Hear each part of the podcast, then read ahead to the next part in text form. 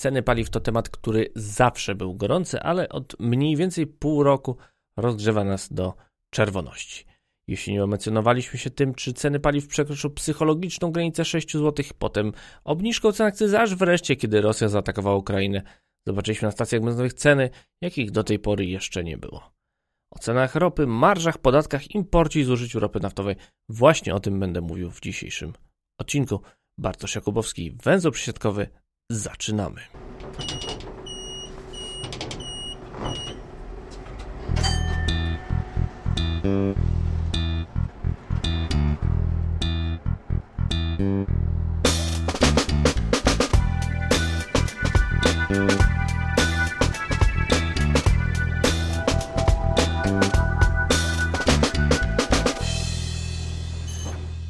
Jak pewnie wszyscy dobrze wiecie, od połowy 2020 roku ceny paliw aż do dziś stale rosły. Jeszcze w maju 2020 roku, kiedy światowe zużycie ropy było na dnie, bo siedzieliśmy zamknięci w domach za litr oleju napędowego, płaciło się poniżej 4 zł.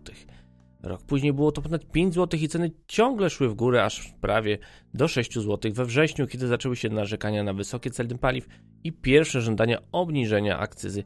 I tych narzekań, prawdę mówiąc, nie rozumiałem i nie rozumiem, bo ceny w okolicach 5,75-80 za litr oleju napędowego już mieliśmy, a było to latem 2012 roku, czyli 10 lat temu.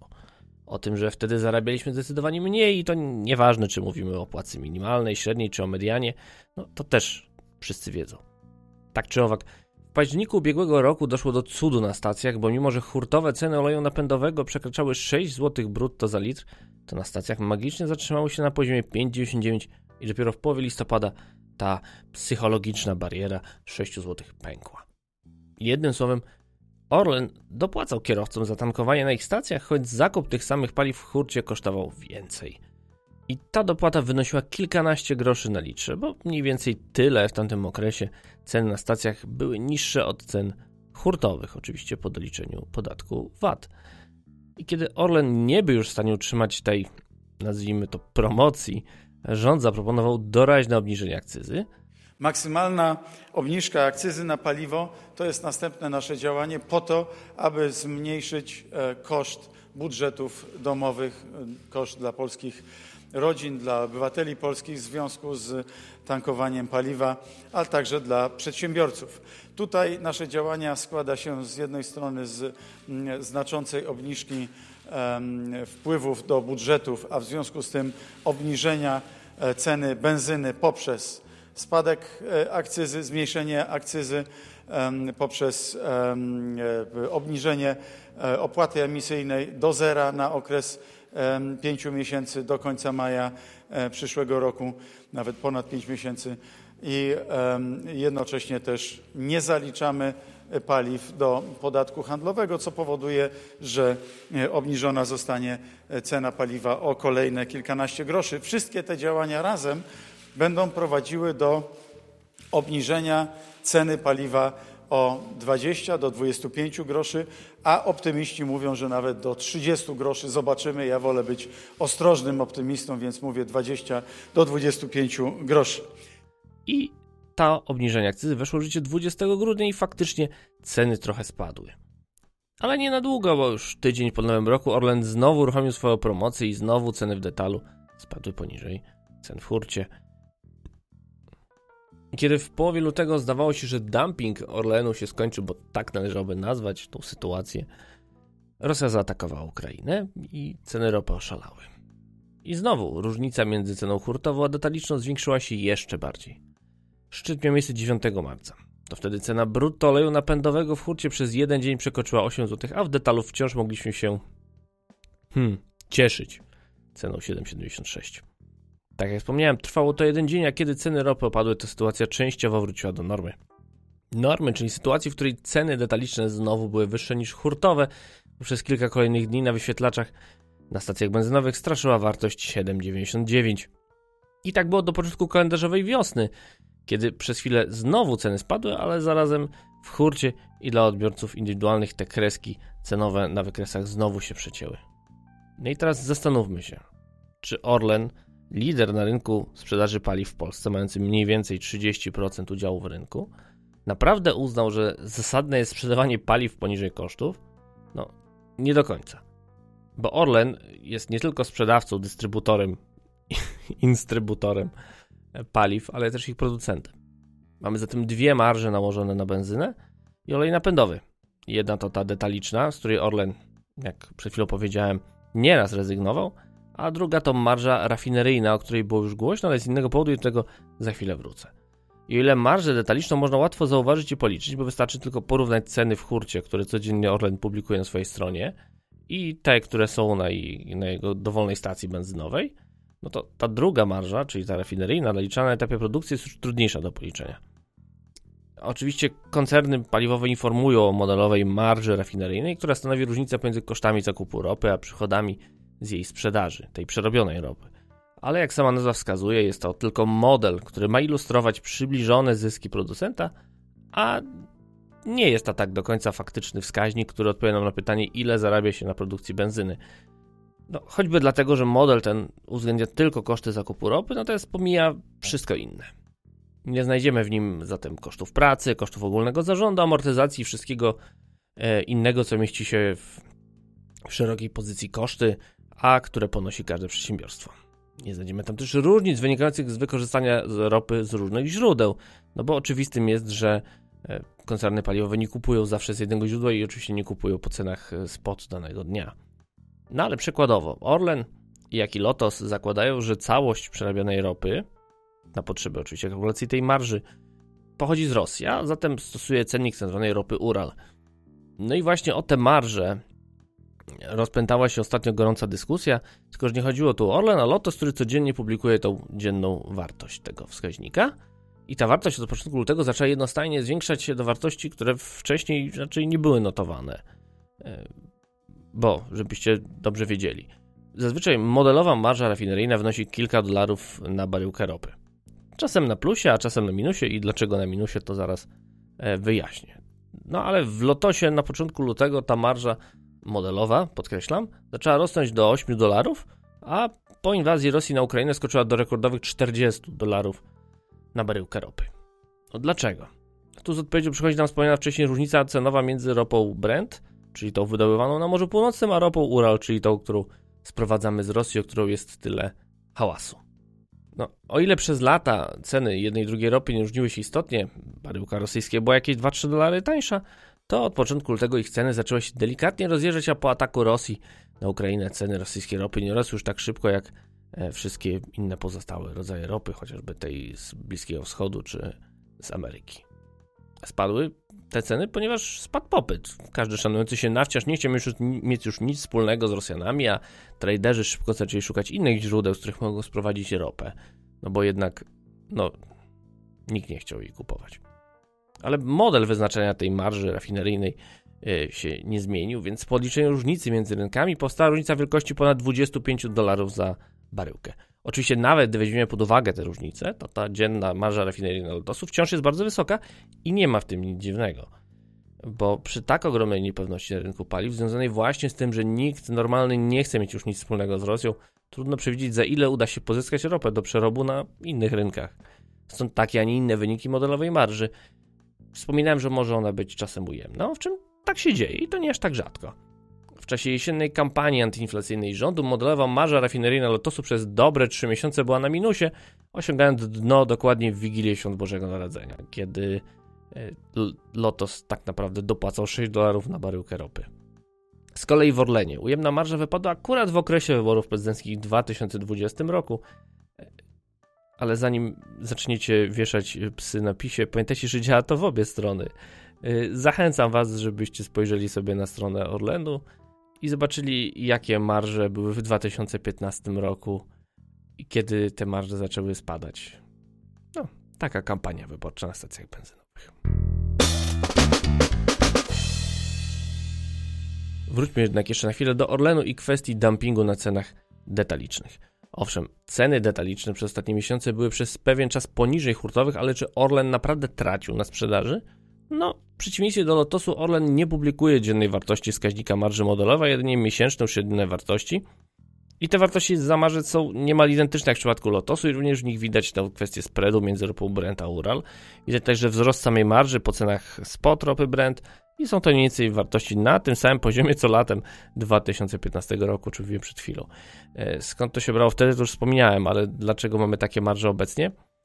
Spróbujmy zrobić takie ćwiczenie, żeby zobaczyć ile firma kierowana przez Daniela Obajtka zarabia na przerobie ropy.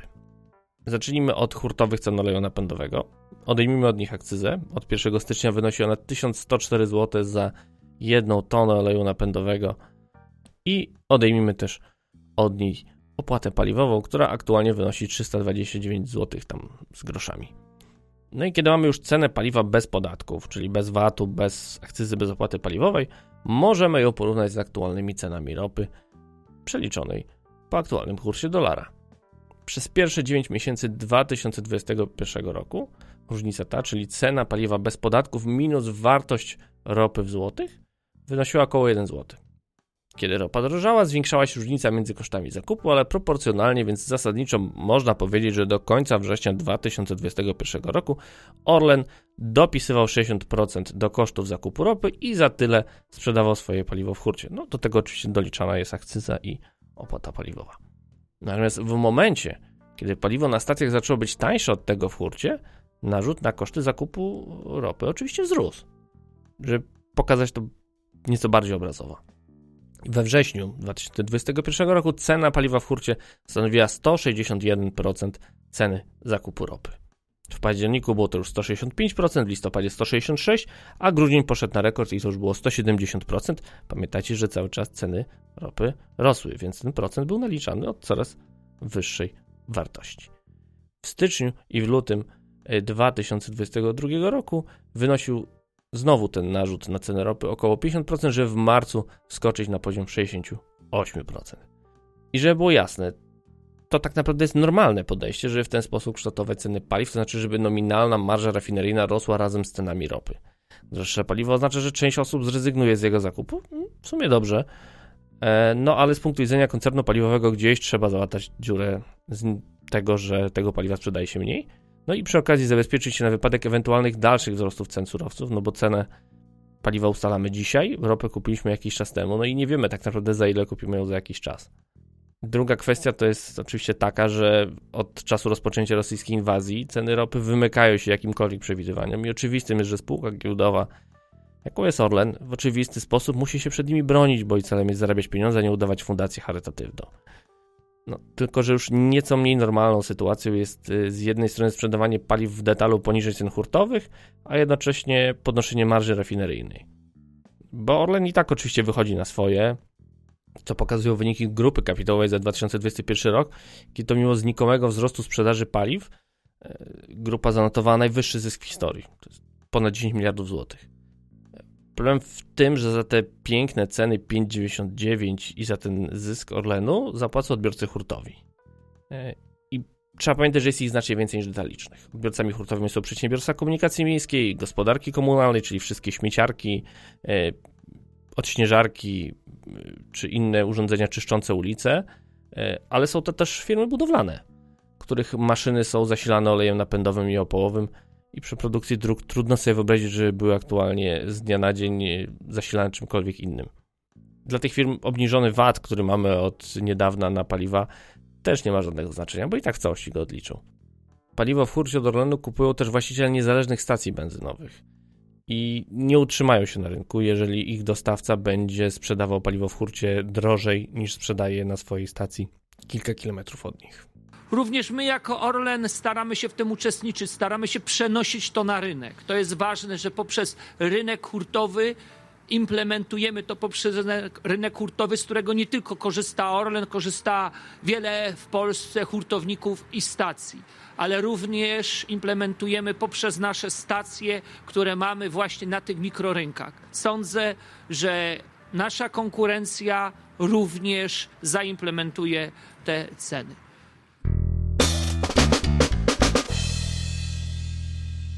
Zanim zaczniemy oburzać się na praktyki niewątpliwie rynkowe Orlenu i innych koncernów naftowych, spójrzmy na samych siebie. Jak wspomniałem na początku tego odcinka, kiedy lockdowny na całym świecie zamknęły nas w domach, popyt na ropę naftową szybciutko zmalał.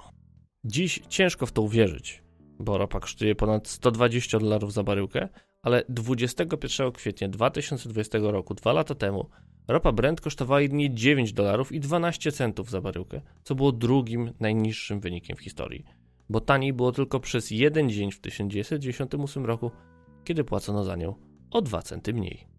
Nie było popytu, siedzieliśmy w domach, cena poszła w dół. Chcemy tańszych paliw, musimy odstawić samochody. Tymczasem robimy coś dokładnie odwrotnego. W 2021 roku zużywaliśmy w Polsce średnio 702 tysiące baryłek ropy dziennie i był to najwyższy wynik dla naszego kraju w historii. W pandemicznym 2020 roku przepalaliśmy 40 tysięcy baryłek dziennie mniej, czyli mniej więcej tyle co w 2017 roku. A jeszcze w latach 2013-2014, kiedy mieliśmy dołek inwestycyjny na drogach, udało się zbić tę wartość do około 500 tysięcy baryłek dziennie, czyli 200 tysięcy mniej niż obecnie. I wtedy zużywaliśmy 244 tysiące baryłek oleju napędowego i opałowego, natomiast w ubiegłym roku było to 387 tysięcy baryłek. Tu jest właśnie nasza największa różnica w zapotrzebowaniu na paliwa płynne i zarazem największy paradoks w naszym myśleniu o zapotrzebowaniu na ropę. Bo budujemy więcej dróg, do budowy których potrzebujemy ropy. Do maszyn, które budują te drogi i do asfaltu. A kiedy już mamy te nowe drogi, to jeździmy coraz więcej samochodami, zużywając coraz więcej ropy. A im więcej jeździmy, tym większa jest presja drogowa na rozbudowę dróg.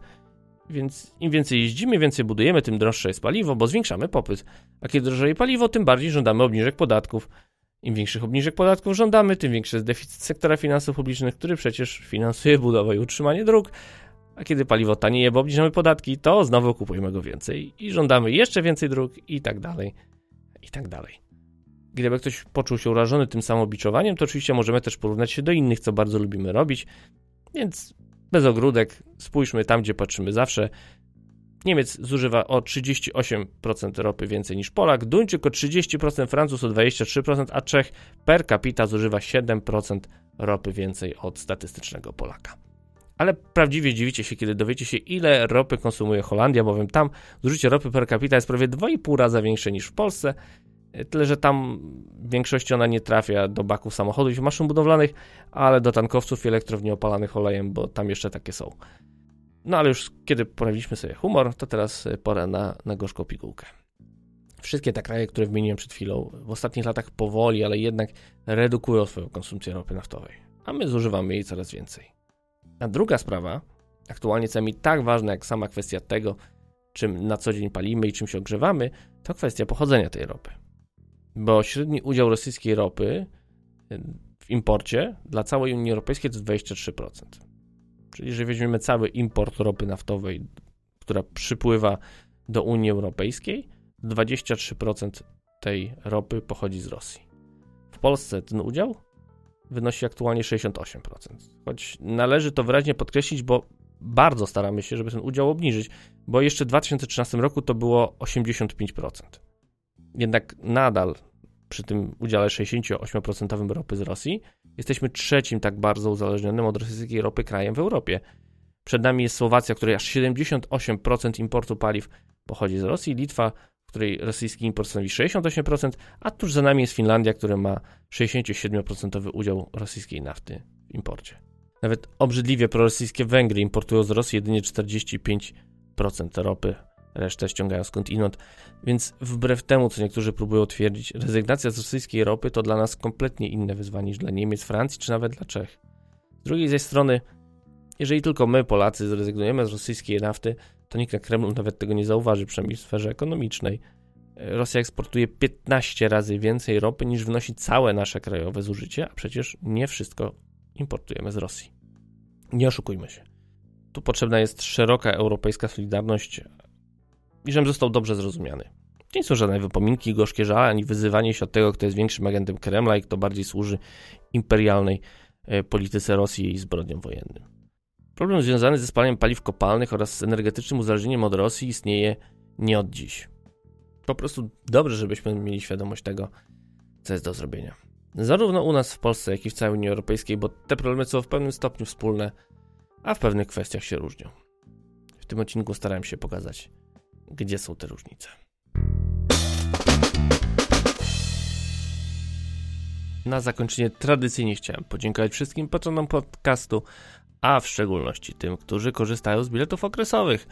Są to niezmiennie Paweł Szczur, Tomasz Tarasiuk, Andrzej Kaszpir, Kaźmirowski, Monika Stankiewicz, Paweł Łapiński, Peter Jancewicz, Jerzy Mackiewicz, Jakub Kucharczuk, Michał Cichosz, Łukasz Filipczak, Filip Lachert, Jacek Szczepaniak, Jurek Gozdek, Kuba Czajkowski, Piotr Rachwalski, Grzegorz Szamankenik, Jakub Burdziński, Paulina Matysiak, Empi, Michał Jankowski, Jakub Kundzik, Rafał Pierzchała, Piotr Gramacki, Hubert Peliński, Piotr Krasiński, Adam Zając, Jacek Fink-Finowicki i KMZ. Serdecznie zachęcam Was do dołączenia tego grona, ale jeszcze serdecznie zachęcam Was do wspierania walczącej Ukrainy i pomocy dla ukraińskich uchodźców. Linki znajdziecie w opisie odcinka. Na dziś to już wszystko. Do usłyszenia.